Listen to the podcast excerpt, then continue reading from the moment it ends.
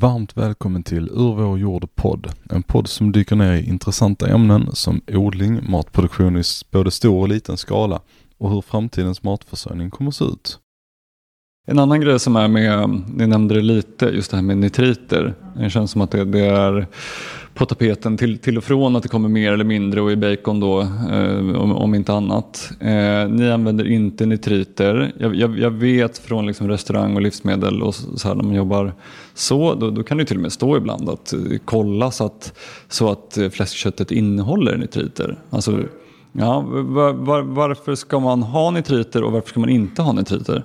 Nitriter är ju mycket för att eh, de här storskaliga eh, alltså det är en, en, falsk trygghet. Ja men det är ett konserveringsmedel liksom.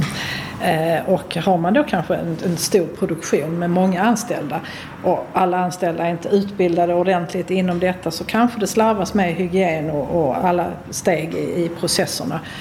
Och då är nitrit, känns det som en, liksom en säkerhet, det är en trygghet. Medan hos oss är det ju bara jag och Janne som jobbar med det så att vi, vi kan ju alla stegen och är noga med hygienen och allt det här och då behövs inte nitrit.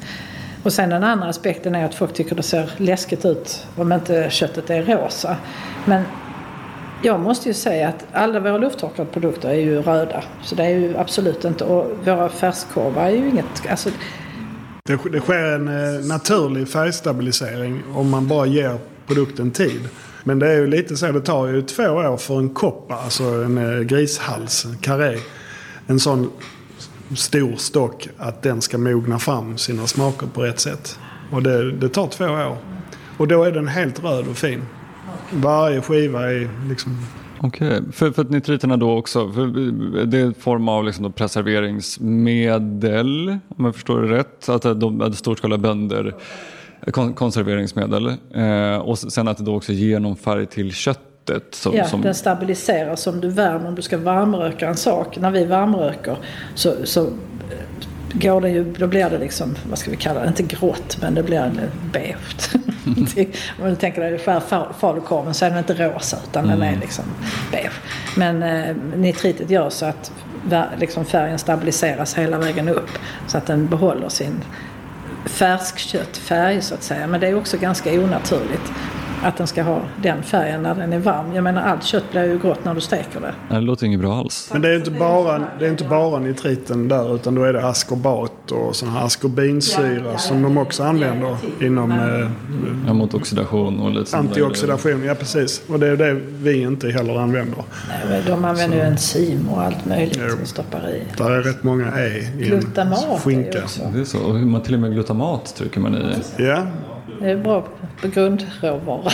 ja, alltså jag, jag, jag har varit rest runt mycket i Asien och där är glutamat som eh, andra saltet. Eh, och där, där finns det många liksom forskningar och teorier på just glutamaten är bra och dåligt. Alltså det, det, är en eh, syntetisk kemikalie och kan man låta bli att använda den så är jag alltid så med allt som jag producerar också att man helst ska kanske undvika. Men sen så har jag provat det, liksom köpt hem en sån här. Det är gott.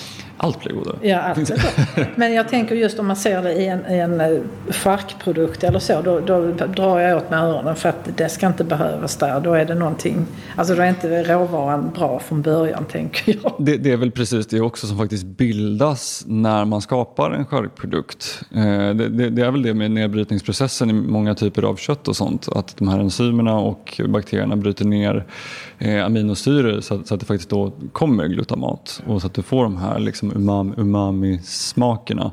Eh, men, men istället då för att använda nitriter så kan man använda tid så, så som ni gör så blir det... Och havssalt så blir allting bra. och lite andra kryddor kan man ha också. Det, det låter helt underbart. Vad har era, jag tycker alltid är det just som egen producent, liksom, liten. Vad, vad, har de största utmaningarna för er varit? Och fr, från start att liksom haft helt andra karriärer och bott inne i stan och sen ja, bli egenföretagare och eh, hoppat på något helt annorlunda. Vad, har, vad är de tuffaste, tuffaste sakerna? Ja, egentligen var det att få det att vända. Det gick väldigt bra. Eh, kunderna strömmade till och så höjs priserna på foder. Vårt ekologiska foder som vi använder, korn. Alltså, eh, ja, om jag bara säger att vi har en silo som vi fyller. Så vi maler ju kornet själv också så att krossar det så att det ska bli rätt för dem. Eh, så gick en sån silo på 12 000 kronor att fylla och då räckte det fodret i två månader. Nu kostar det 45 000. Oj. Så att, och det är ungefär vad vi tjänar. så, att, så nu går det inte speciellt bra. Eh, vi, försöker, vi håller ut ett tag till och det är därför vi börjar titta på andra sådana här att vi ska försöka få in. För vi kan ju inte höja priset på våra charkuterier med ja, alltså tre gånger. Det går ju inte. Nej, någonstans finns det ju en gräns för konsumenter också. Hur, hur Ja, bra produkten än är. Och framförallt idag när plånböcker sinar. Och tyvärr, men det, är därför också är det så viktigt att faktiskt höra det här från, från eh, alltså diverse olika lantbrukare och så vidare. Just alltså priserna på eh, inputs, hur, hur mycket det har ökat.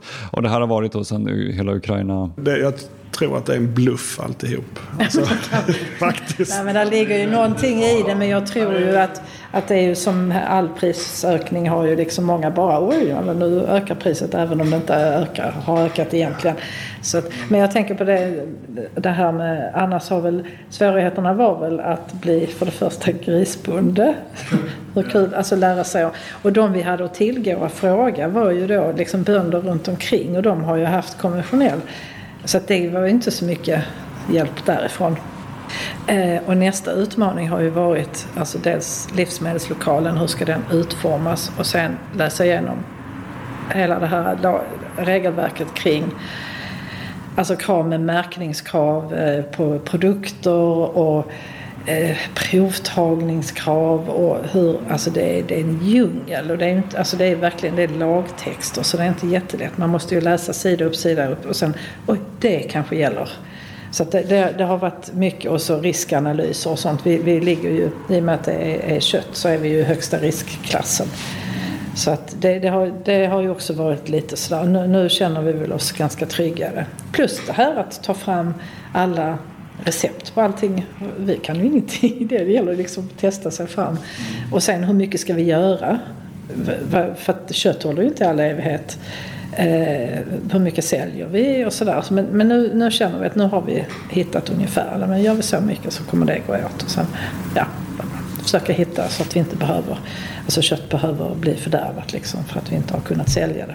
Nej, precis. Så det har varit learning, learning by doing i stor, stor mån. Jag kan tänka mig med liksom kött, köttproduktion. Jag vet ju restaurang när man ska ha livsmedelstillstånd och sånt. Kött av alla olika sorter är ju det som är absolut mest känsligt. Liksom. Eh, sen har det med rotfrukter och sånt men det är egentligen bara att det inte ska kors, korsa. Liksom. Men kött är ju absolut mest. Så jag kan tänka mig när man har produkter själv som man gör att det, då kan jag tänka mig att eh, det är mycket att läsa på och mycket kanske sen också ifall man ska förädla sådana produkter. Att då blir det ytterligare sådana saker.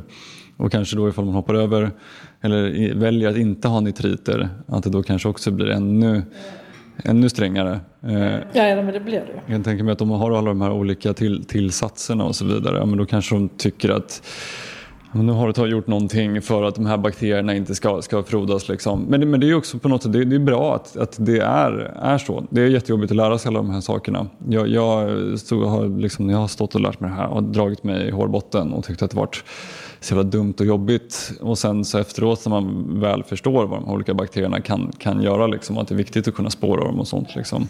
Det, det är bra men det, det är en lång, eh, lång period att lära sig. Ja, och det finns inte så mycket hjälp att få kan jag känna. Jag menar, jag har ju ändå läst mycket i mitt, mina dagar så att jag har inte svårt att ta till mig fakta. Men det är ändå en djungel. Så tänker jag för någon som kanske inte har gjort det så förstår jag inte hur de klarar det faktiskt. Jag vet inte. Inte jag heller. Det är lite samma som vissa som startar som bara driva företag. Eh, att det, är inte- det är inte heller alltid helt, helt lätt, alla företagsbitar. Nu är det kanske inte exakt lika tekniskt som, som just livsmedelstillsyn eh, och kontroller och rutiner och allt vad det, det är. Liksom. Men, men det är mycket, mycket annat liksom, som, är, som är svårt. Eh, där har vi för sig Skatteverket som är ganska duktiga på att hjälpa till. Men, men just som med med livsmedel, är, det är svårt. Man, man har en kontrollant som kommer ut och då ska man i princip, man har en, en gång på sig första gången och då kommer den på kontrollen och kollar. Är det fel, ja, men då får man ju ett par punkter som man ska rätta till och sen efter det så ska man börja betala för varje gång de, de kommer. Liksom. Eh, Men bara hitta informationen. är inte heller helt lätt. Och sen får de ju inte lov att... För jag tänkte, kan man inte bara ringa och fråga hur ska vi göra? Men det får man inte säga heller. Alltså det är ju så De konstiga får ju. Livsmedelsverket får inte ge råd så som rådgivare.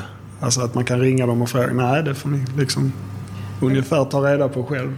Men vi, vi, vi ska inte säga så heller. För det finns personer hos Livsmedelsverket som är bra. Kajsa har haft ett lång diskussion med en idag. lyckats, lyckats bli av med en analys. Nej, men för att vi har ju, vi ju, vi har ju provtagning två gånger om året där vi lämnar in eh, olika, alltså prov på eh, korvar och faktorier och lite allt möjligt och topsar liksom, ja, vet, på korvbord och golvbrunn och sen så lämnar vi dricksvattenprov. Eh, och, och, och då är det kemiska prov och mikrobiologiska prov. Två gånger om året och det är kanske 10 000 kronor per gång. Och sen var tredje år har vi utökat provtagning på eh, dricksvatten, vilket var nu. Och då kostar det provet, bara, bara det provet utökade kostar 10 500 vilket innebär att då hamnar man kanske på 30 000 då. Så. Så, och då började jag titta på dem jag har jobbat, alltså det var det jag forskade inom vatten. Så jag började titta på vad är det för någonting man tar där och så var det här är ju helt. Det är inte alls viktigt för vår produktion. Så jag ringde, så vi pratade säkert en timme, så jag lyckades bli av med det provet. så att det går liksom. Men man måste kunna argumentera och ha på fötterna liksom.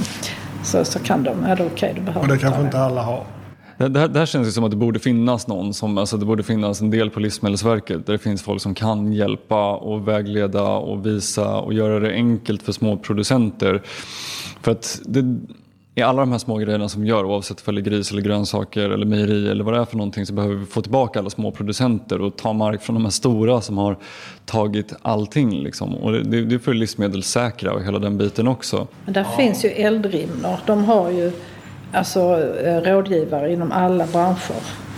Så där kan man ju, där är ju för ja, frukt och bär, grönsaker, ost. Eh, så, och de, de ger liksom rådgivning. Så de är jättebra att ta kontakt med. Lite snabbt bara. Jag blev intresserad av just det här som vi pratade om ehm, med, med fodret. Det känns som att det, det, är en sån stor, det är en väldigt stor input i hur, hur, hur kommer man runt och löser en sån sak? Säg att foder nu skulle kosta ännu mer. Fin, finns det någonting ni kan göra? Finns det någonting vi kan göra? Finns det någonting?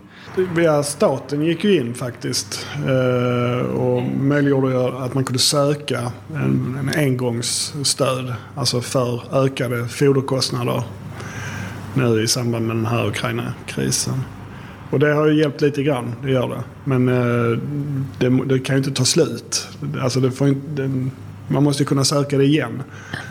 För att eh, det är ju helt ohållbart vi, som det är. Vi kan inte hålla ut många Nej, jag vet inte vad man ska göra för vi har ju tittat på det också. För att nu har jag ju förstått att även bönderna följer ju med liksom nu. För att de vill ju få mer betalt, de som odlar spannmålen. Så att eh, det verkar inte vara någon större vinst med att köpa direkt från dem heller.